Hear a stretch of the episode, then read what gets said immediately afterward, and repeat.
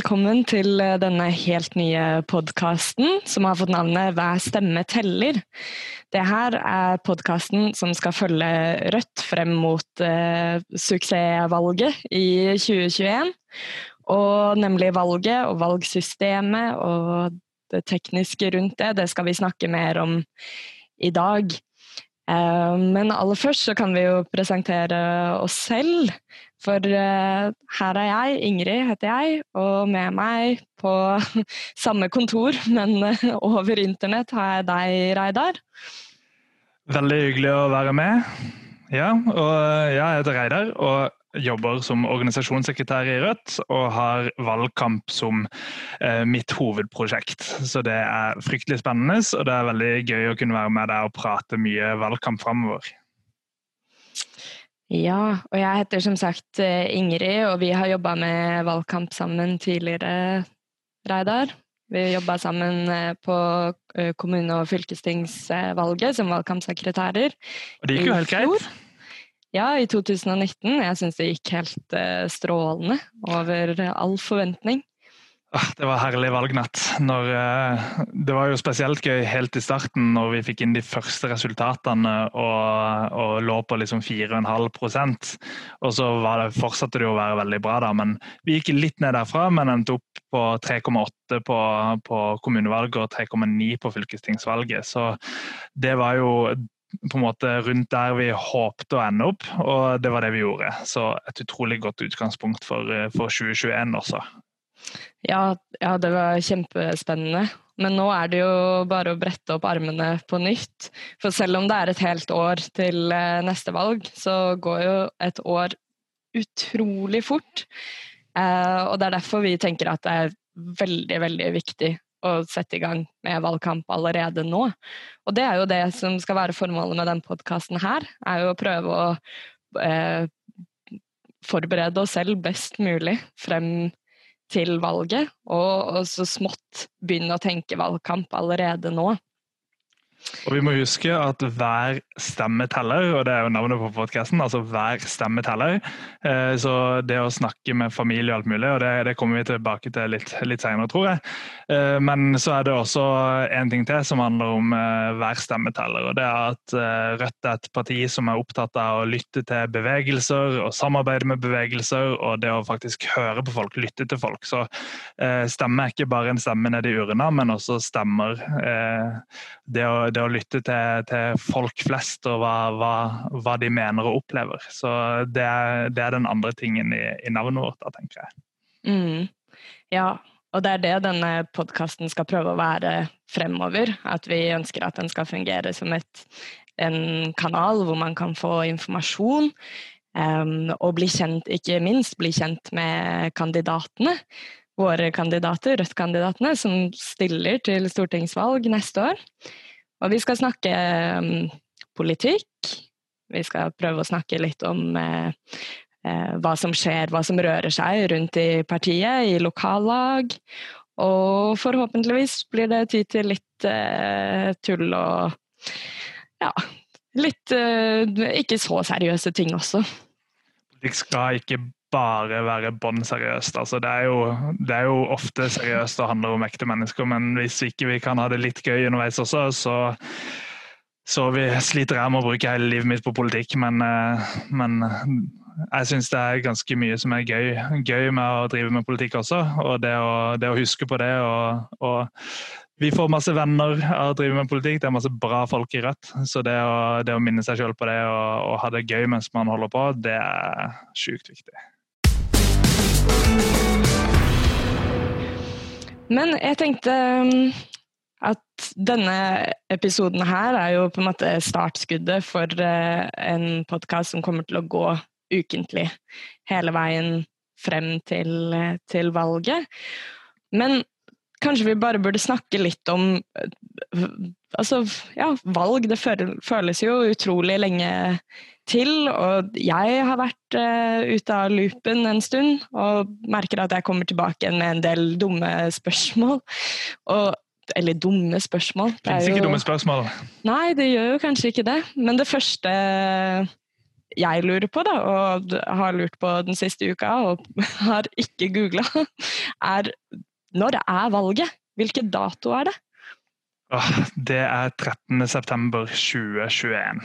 Eh, og eh, det er alltid på en mandag, så eh, forhåpentligvis blir det en veldig god start på uka. da.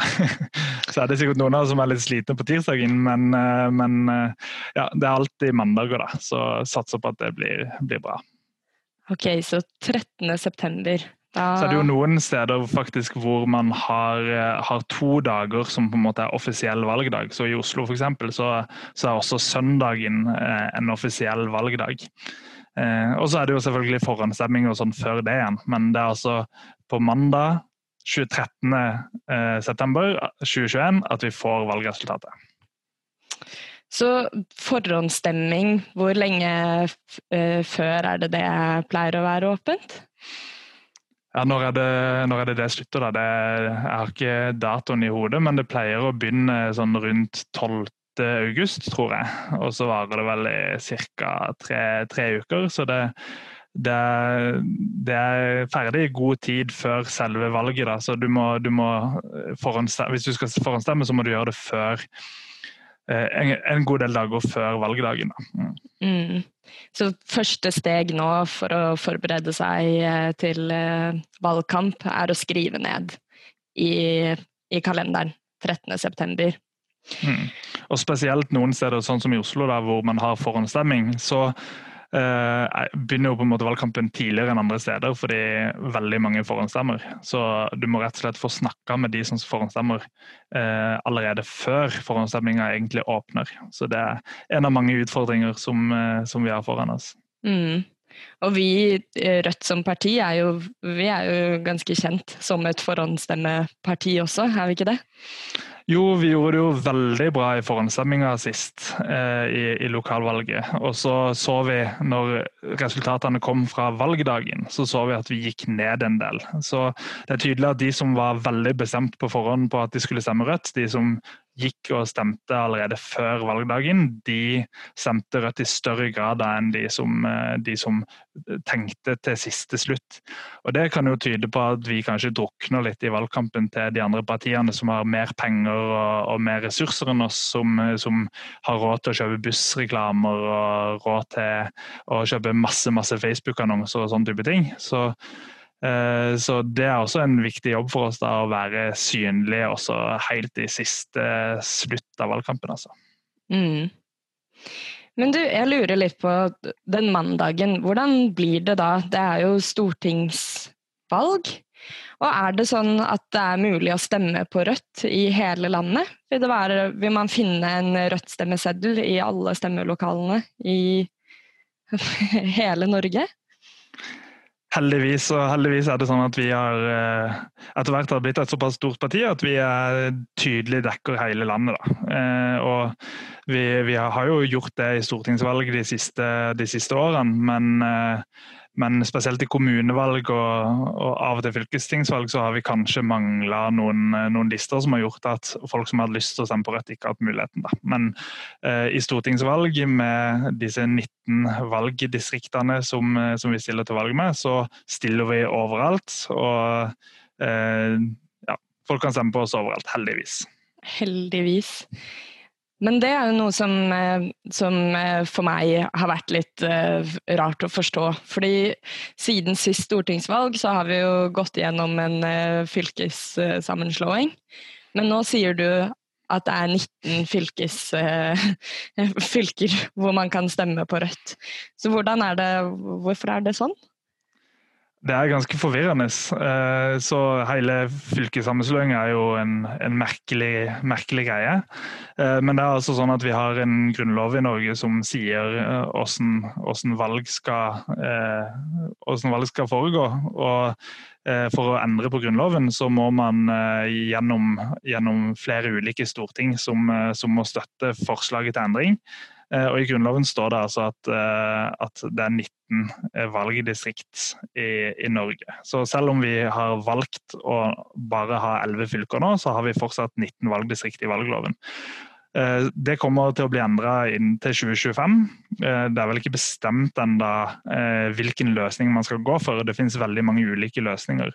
Eh, og det finnes jo ganske mange omkamper også når det gjelder disse fylkessammenslåingene. I Viken har de lyst til å bryte opp, i Vestland har de lyst til å bryte opp, og ikke minst i Troms og Finnmark har man lyst til å bryte opp.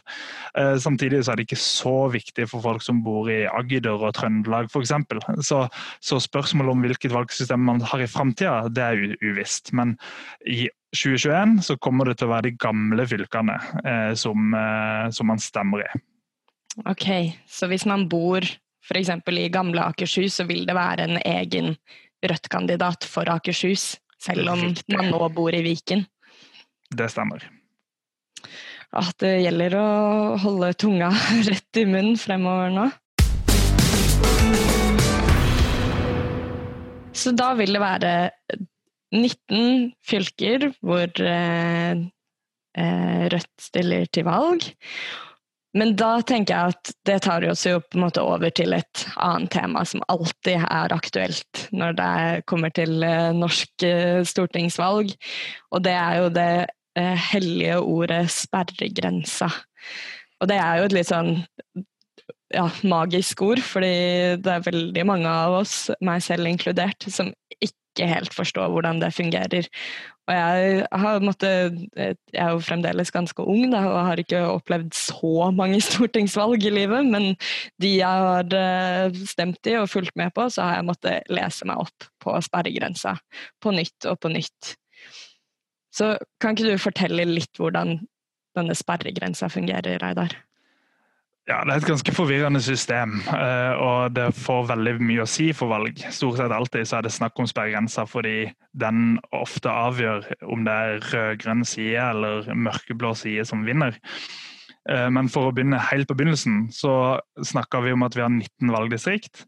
Altså stortingsvalgdistrikt. Eh, og i alle disse distriktene så har du på en måte en egen valgkamp som foregår der. Så jeg for eksempel, som bor i Oslo, jeg stemmer mm. på kandidatene som stiller til valg i Oslo. Jeg stemmer på partiene i Oslo.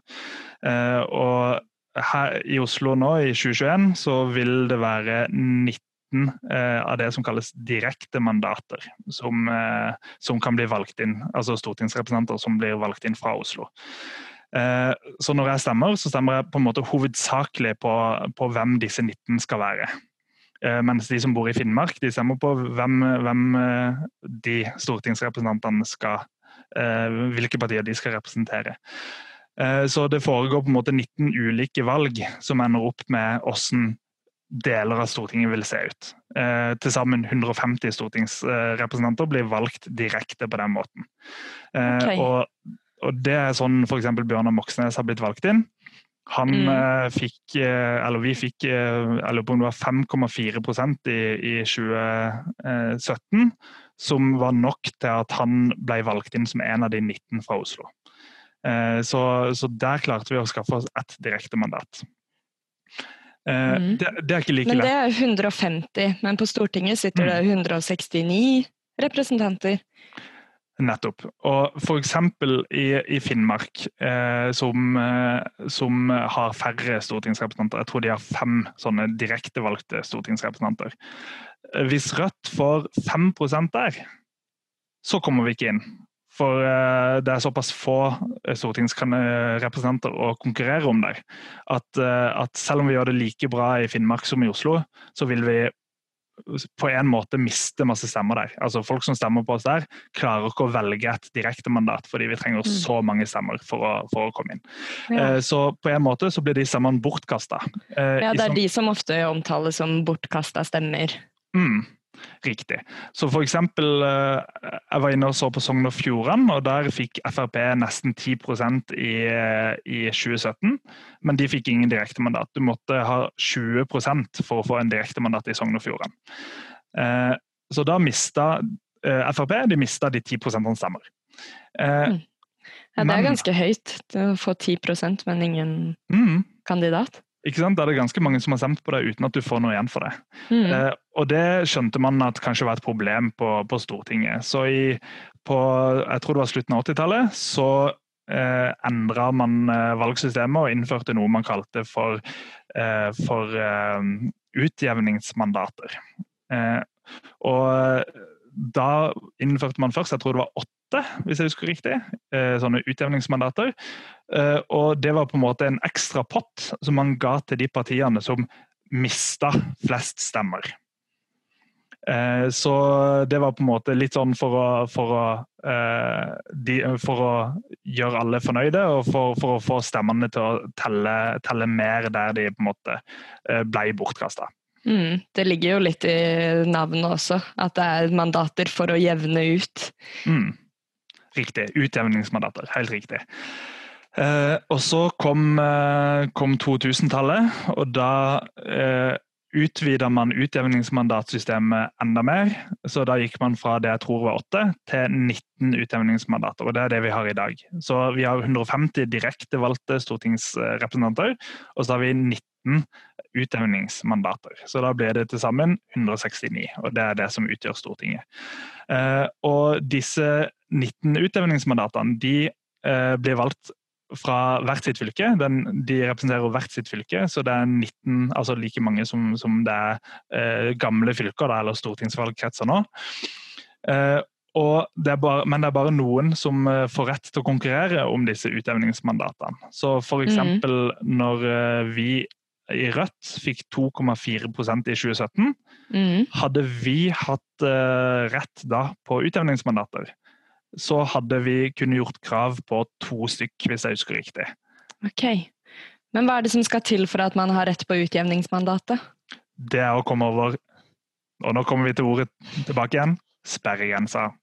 Den magiske sperregrensa på 4% 4% Og det har jo i hvert fall for Rødt ved siste stortingsvalg, var jo det på en måte det store, eh, den store snakkisen om man klarer å komme over den sperregrensa. Mm. Og, og, hva vil det ha å si for Rødt nå, hvis, eh, hvis vi klarer det denne gangen? Denne gangen så vil det sannsynligvis bety at eh, altså forskjellen på å havne på 3,8-3,9% som vi gjorde i, i lokalvalget sist, eh, og det å komme på 4,1 f.eks. Det vil, vil sannsynligvis bety at eh, vi går fra to stortingsrepresentanter, kanskje, kanskje tre, til sannsynligvis syv-åtte stykk. Eh, så det Det har jo enormt mye å si. Det har enormt mye å si, spesielt når du vet at, eh, at eh, det sannsynligvis vil stå om veldig få stortingsrepresentanter for hvem som har flertallet. Og det er også en kjempestor sannsynlighet, hvis vi kommer over sperregrensa, til at Rødt faktisk havner på vippen. Og Eh, Jonas Gahr Støre og Trygve Slagsvold Vedum de må bestemme seg. Eh, ønsker vi å gi Rødt gjennomslag, eller ønsker vi at eh, en mørkeblå regjering skal sitte i enda fire år til? Hmm. Ja, det sier jo litt om hvilken posisjon vi potensielt kan havne i. Ja, det er mye å glede seg til. Men hvordan er det, er det sånn at uh, Eh, for da, da, gjelder jo på en måte samme ordning som, som tidligere. 19 utjevningsmandater og 19 eh, eh, valgdistrikt. Hmm. Men er det, er det er det noen steder hvor det er større sjanse f.eks. at Rødt har de utjevningsmandatene? Det er et fryktelig forvirrende system eh, som det er ganske vanskelig å forklare. Fordi det, det, det svinger på mange måter fra, fra valg til valg.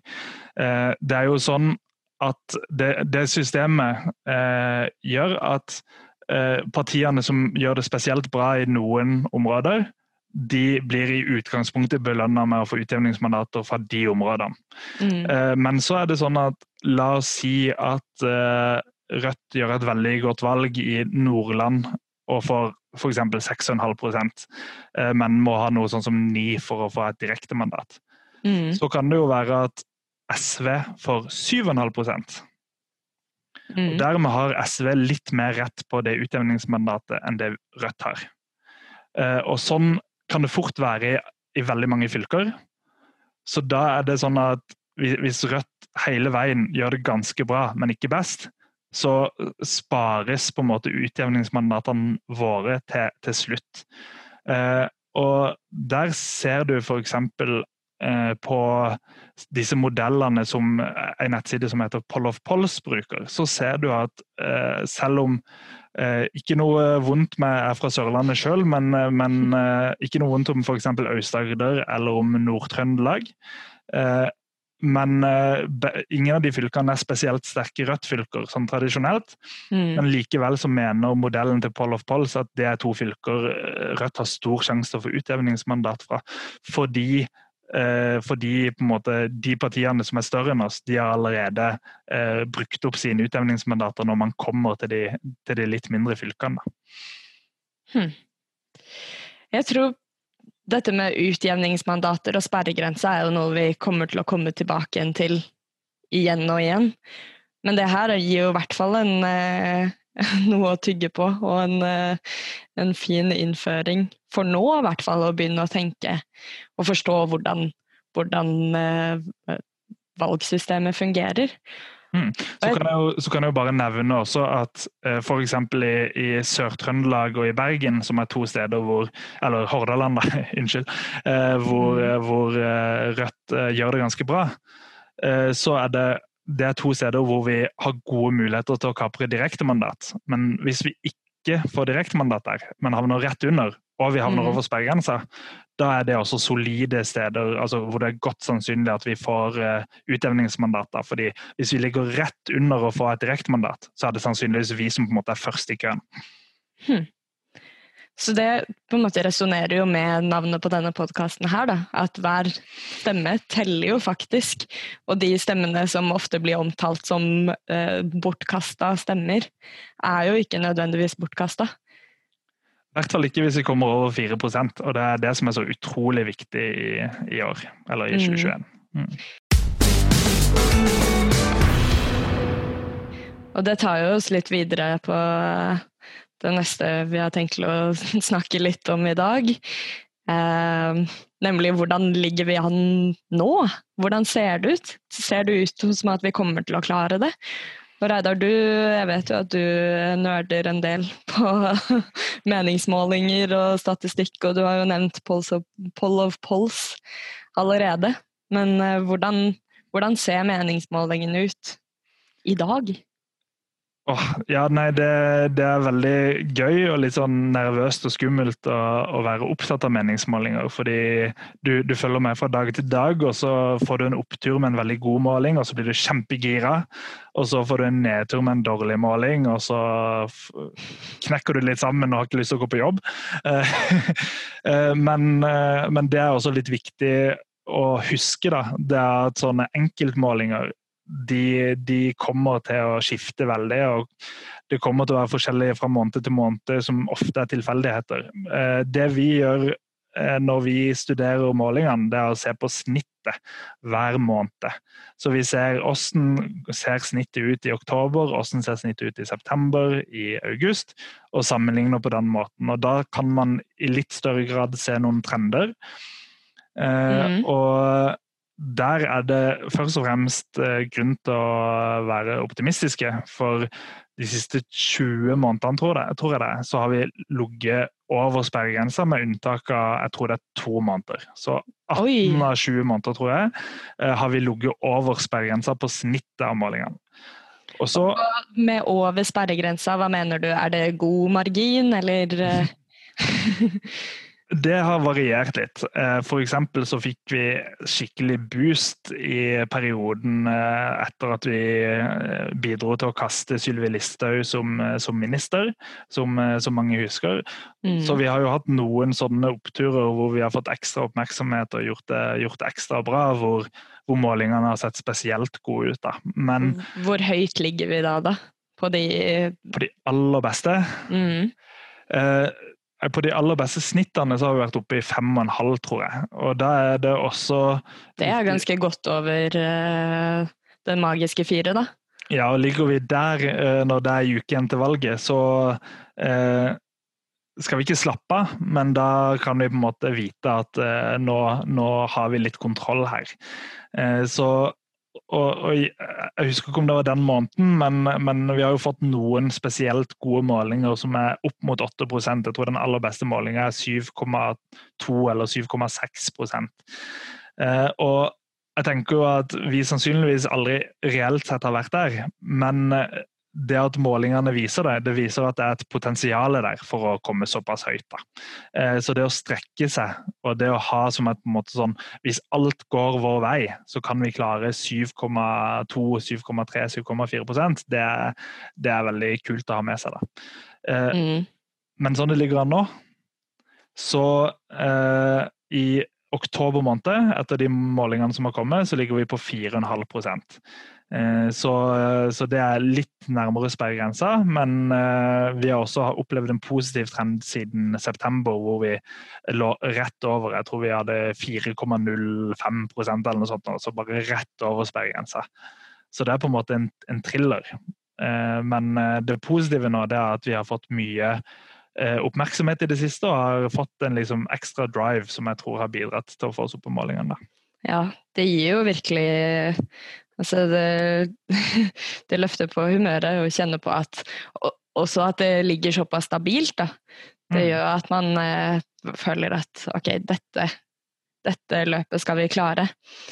Men jeg blir jo sittende her og tenke at valgresultatet, det vet vi jo faktisk ikke før den 13. september, den mandagen, eller natt til tirsdag blir det jo mest sannsynlig, da. Så hva har på en måte det å sitte og følge med på meningsmålingene, har det noe for seg? Er det, er det noe vi burde være, fokusere så mye på, eller burde vi bruke energien vår på å gå ut og snakke med folk? Jeg er ikke rette, rette mann å spørre, egentlig. som, er, som, er, veldig opptatt av målinger sjøl. Men, men, svaret der er at vi ikke bør bruke for mye tid og krefter på målinger, men å, å, fokusere på hva det er vi kan gjøre. Og hvordan vi kan snakke med flest mulig mennesker, og hvordan vi kan organisere oss best mulig for å, for å oppnå det valgresultatet vi vil ha. Eh, så er det jeg også er opptatt av, det å Eh, være såpass kyniske at vi tør å bruke de gode målingene til å bygge selvtillit og til å vise at vi har troa på prosjektet vårt. og til å, eh, Det er veldig mange der ute som er medgangssupportere, eh, også i politikken, ikke bare i fotball. Mm. Og, og, da er det gøy å være på lag hvis, hvis, det går bra. Så det å løfte fram gode resultater, og så heller være litt stille om de, om de litt svakere resultatene, for det kommer til å gå opp ned, som jeg sier, mm. det tror jeg også er en god strategi. da. Men Eh, først og fremst organisere, organisere, organisere. Mm. Og så ser vi jo det også i Det er jo vår erfaring med tidligere valgkamper også, at man ser jo at når man er på, på en oppsving, så får man veldig mye god drahjelp med positiv omtale og omtale generelt. Det er, jo, det er jo flere som er med på en valgkamp enn bare partiene. Det er jo også folk som skriver og snakker, snakker om oss. Så gode målinger gjør jo at vi også syns. Absolutt. Og det er jo en av grunnene til at, til at det er viktig at vi gjør det, gjør det bra så, så, raskt som mulig på disse målingene. For én ting er hvordan vi sjøl bruker det strategisk, og om vi tar det alvorlig sjøl. Eh, en annen ting er om vi på en måte er relevante i debatten. Så la oss si at vi ligger på over 5 eh, når, eh, når man har, er ferdig med 1. mai-feiringa og, og liksom nærmer seg sommerferien. Da vet media at selv om de kanskje er altså F.eks. VGs kommentatoravdeling, de er ikke så glad i Rødt. og De liker mest å skrive drit om oss, kanskje, og, og det, det, er vanskelig å få oppmerksomhet på NRK. Eh, men, eh, men, eh, hvis vi plutselig er veldig relevante, så kan de ikke ignorere oss. Da må de ta oss, ta oss med. Så, så, det å på en måte drive valgkamp allerede i god tid før den tradisjonelle valgkampen, som ofte begynner i, i august, det er viktig for å, for å vise styrke inn mot, inn mot valgkampen, som gjør at vi kanskje plutselig kan få masse mer oppmerksomhet enn det vi er vant til. Men som du sier, så handler jo det å drive en god valgkamp handler jo for oss Vi er jo et grasrotparti, og vi er helt avhengige av hverandre, vi som er medlemmer, og at vi gjør en jobb sammen og i fellesskap. Eh, og vi har jo sittet og sett litt på det her da, og tenkt hva betyr det egentlig? For vi sjekka jo eh, siste medlemstall nå, rett før vi begynte å spille inn. Og mm. hva var det vi fant ut? Hvor mange medlemmer er vi per dags dato, Reidar? Per dags dato så er vi 10.256 medlemmer. Og det som, er, det som er det fine med det tallet, det er at um, antallet innmeldinger til Rødt har stått litt, uh, litt uh, mer stille enn det vi har vært vant til gjennom koronatida. Det er jo forståelig at folk har andre ting å tenke på. Mm. Men de siste ukene så har vi sett en utvikling hvor folk i større grad har begynt å, å engasjere seg igjen og ønsker å melde seg inn i om ikke i et parti, så i hvert fall i Rødt. Og det er vi glad for. Så nå, nå har vi begynt å øke medlemstallet igjen. Mm. Ja, det er veldig fint å se. Og det, det, sier jo, hvis man eh, tenker på det litt større, da, og frem mot valget eh, La oss si at alle disse 10.256 medlemmene begynner allerede nå å snakke med vennene sine, snakke med familien sin og snakke med naboen sin om politikk og hva som er viktig for dem i, i livet, så betyr jo det kanskje at eh, om, om, alle de medlemmene klarer å snakke med ti eller tolv av sine, sine i sin omgangskrets, så begynner jo det å bety ganske mange Rødt-stemmer til sammen. Absolutt, eh, og det er virkelig nøkkelen til at vi kan lykkes i denne valgkampen. Det er at alle medlemmene våre driver driver sin, i tillegg til å være aktive i Rødt og med på det som skjer, eh, og driver liksom aktiv vanlig valgkamp også, så er den store nøkkelen at folk driver valgkamp eh, i sin pris, private sfære. At de, når de er med venner eller på jobb eller hvor det måtte være, snakker om Rødt. Eh, for det er som du sier, eh, får vi alle medlemmene våre til å overbevise 10-12 stykk om å stemme Rødt, da er vi i mål. Altså, nei, vi er, vi er, ikke i mål, men da klarer vi sperregrensa. Det var poenget mitt. Eh, vi er ikke i mål, vi skal nå mye høyere enn det. Men eh, 120 000 stemmer er det vi trenger for å nå sperregrensa. Da er vi mer eller mindre bankers sikre på, på 4 eh, Så det vil jo si vi er 10 000 medlemmer. Hvis, hvis de 10 000 eh, verver 11 velgere hver, da er vi oppe i 120 000. Så det er det vi må få til. Det er ikke, det er ikke verre. Nei, det er ikke verre. Det skal vi klare. Men jeg tenkte, hvis man er litt sånn som deg, da, som liker å på en måte eh, ha litt oversikt og følge med og se hvordan, hvordan, tallene ser ut, har du noen sånne tips til hvor det er man kan, kan følge med? Altså Den beste nettsida for å følge med på målinger og sånn som kommer inn, det er pollofpolls.no. Eh, så der kommer både lokale og nasjonale målinger. Eh, Eller så vil jeg jo anbefale podkasten Hver stemme teller, eh, hvor vi hvor vi kommer til å fortsette å snakke om, snakke om dette på, på jevn basis. Eh, mm. Så, men, eh, men eh, ja, Poll of Polls er liksom nerdestedet å, å, gå til, som også refereres mye til i nyhetssaker som for tida. Sånn, nå går det bra for dette partiet på Poll of Polls. Mm. Mm. Ja, for der kan man se litt mer statistikk og andre typer utregninger og sånn som du snakka om tidligere også.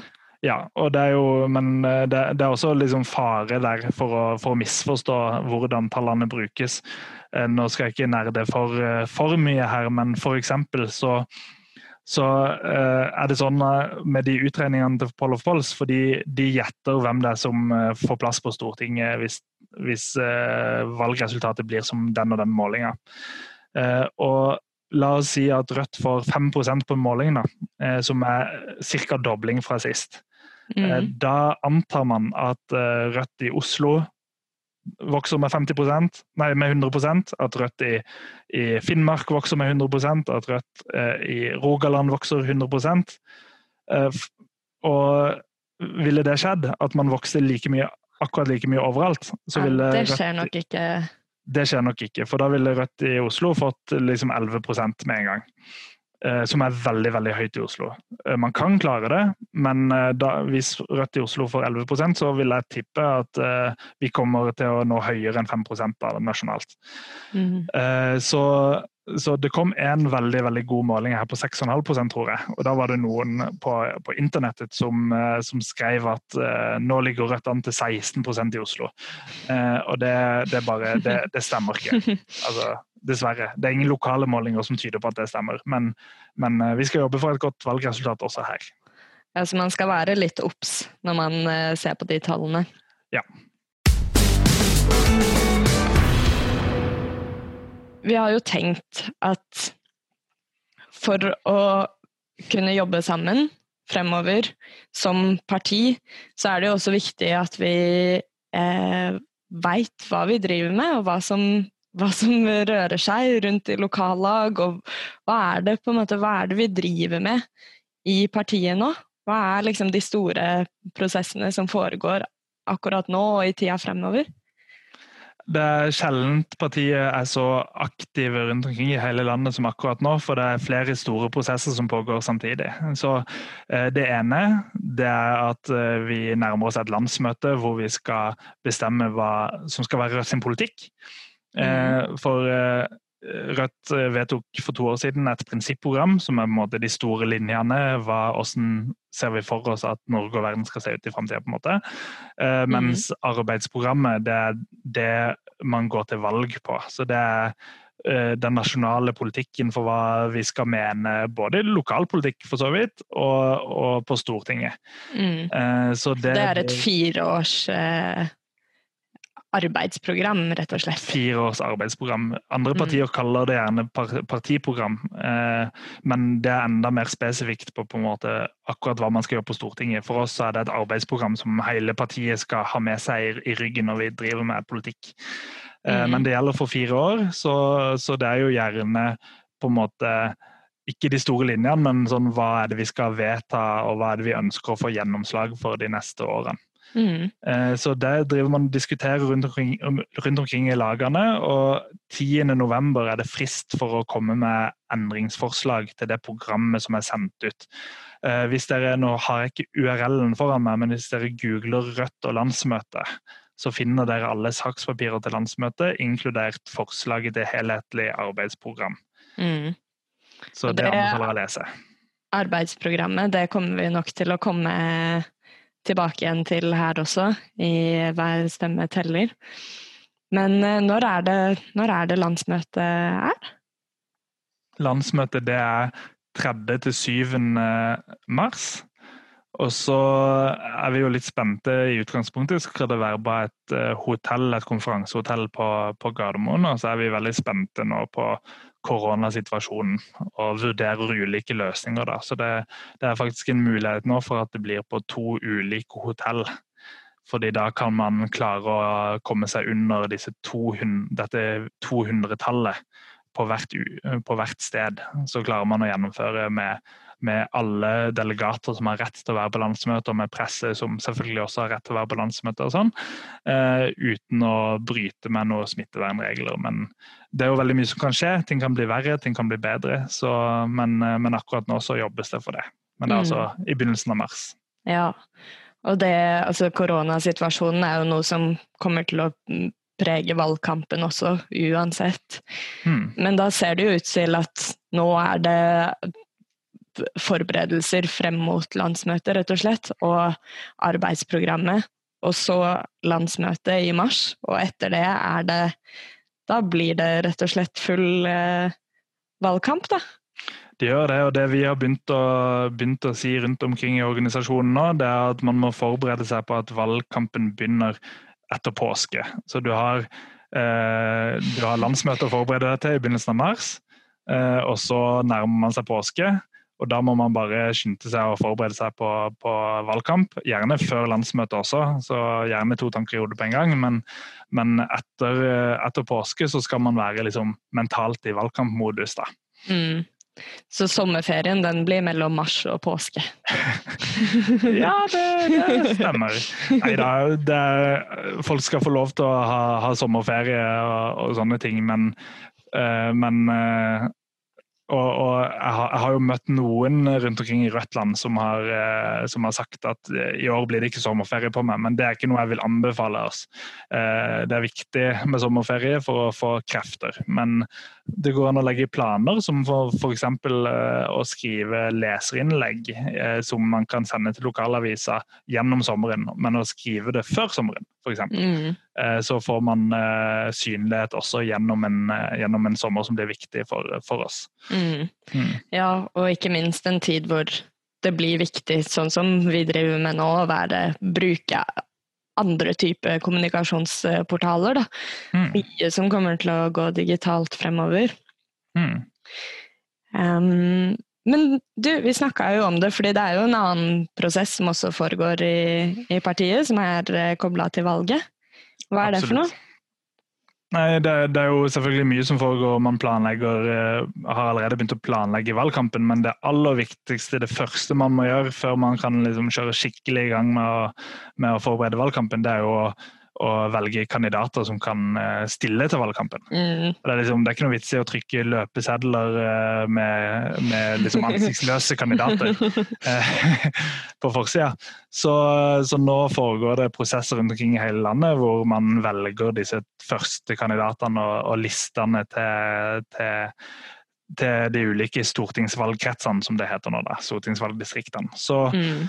Eh, så stort sett hver helg så samles det Rødt-folk i, i, de ulike fylkene for å, for å avgjøre. Så eh, det er veldig spennende å følge med på etter hvert som disse kandidatene blir, blir valgt av nominasjonsmøtene sine. Så håper vi at eh, de har tid til å komme innom eh, verdens beste podkast, eh, Hver stemme teller. Ja, for det er noen steder hvor man er eh, allerede har klare kandidater.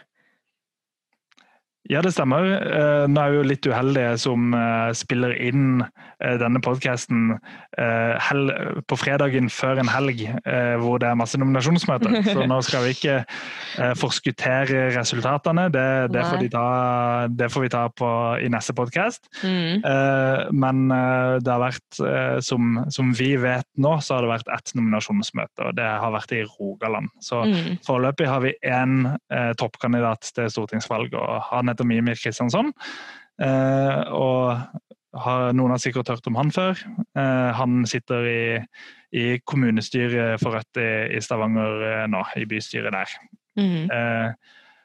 Så er det 18 igjen, da. Så får vi se hvordan det går. Vi kommer til å få veldig mange gode kandidater.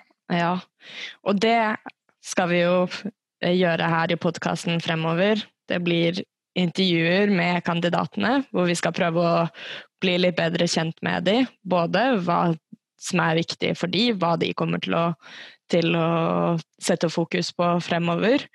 Men også prøve å bli kjent litt mer på et personlig plan. For det er mye enklere å forholde seg til sine kandidater hvis man har et ansikt og har eh, en stemme og ja, veit litt om dem. Absolutt. Men det er veldig gøy å se, fordi eh, nå har jeg drevet valgkamp i noen runder. Mm. Eh, og første stortingsvalgkampen var vel kanskje i 2005. Eh, så da, da, da jeg, begynner å, jeg begynner å bli eldre enn jeg tror sjøl. eh, men eh, på, på, den veien da, så har man jo gått fra å tenke at nei, vi kommer ikke inn uansett i andre steder enn i Oslo. så ja, jeg kan godt stå på topp, men jeg har ikke noen plan om å komme inn. så Det er ikke sånn at jeg har en stor plan om å drive valgkamp. Eller. Eh, I år så er det mer sånn at for, vi har flere kandidater enn vi har plasser på toppen. Eh, og Det er jo et mm. veldig sånn sunnhetstegn i at vi nå begynner vi å bli store nok til at vi betyr noe. Vi begynner å få nok medlemmer til at vi klarer å fylle disse listene med folk som er toppmotiverte. og Det er eh, veldig gøy og, og, et godt tegn for framtida. Ja, det er kjempegøy. Men da tror jeg, Reidar, at vi begynner å nærme oss av Allerede? Nå? Ja. Men vi kommer jo tilbake igjen neste uke, gjør vi ikke det? Det gjør vi. Det gleder jeg meg til. Så da Det vi lurer på helt til slutt, da, er jo fordi det er viktig for oss at uh, også denne podkasten skal være et verktøy som vi kan bruke i valgkampen. Og da lurer vi jo på hva det er dere som hører på, har lyst til å vite mer om. Enten om det er å gå enda mer i dybden om sperregrensa, eller om det er eh, å, å, bli kjent med kandidater, om det er å eh, høre mer om hva som er strategien fremover, politiske saker som Rødt er spesielt engasjert i eller involvert i. Så det er bare å komme med innspill, og det kan eh, sendes på e-post til meg på, til Ingrid at roett.no. Så skal vi prøve å ta det med videre. Og en annen ting vi burde informere om, Reidar, det er jo eh, de som har klart å finne frem til denne episoden, vet jo det kanskje allerede. Men hvor er det podkasten kommer til å være tilgjengelig fremover? Du finner den på alle vanlige podkasttjenester og på Spotify. Eh, I tillegg så kommer vi til å filme eh, disse innspillingene eh, via Zoom. Og det gjør vi tilgjengelig hvis dere ikke bare vil høre på oss, men se oss også. Så kan dere finne videoer på roett.no eller rødt.no slash nettkurs. Eh, og Da finner du en egen eh, lenke fra den sida som heter podcast, eller, eh, eller ikke minst Hver stemmeteller. Vi kommer også til å legge det ut på den interne Rødt-gruppa på Facebook som heter Aktiv i Rødt. Så der vil du også finne innspillinga. Men der, der, er det jo sånn som det er på mange sånne Facebook-grupper, et rot å finne fram. Så mm. best å gå inn på rødt.no slash nettkurs hvis du vil se det på video. Og vi håper jo også å, trekke litt på lyttere som kanskje er nysgjerrig på Rødt, men ikke helt eh, vet hva det er vi står for, eller hva vi driver med også. Så det er bare å følge med videre. Og hva heter det? Subscribe? Har man et godt norsk eh, ord for det?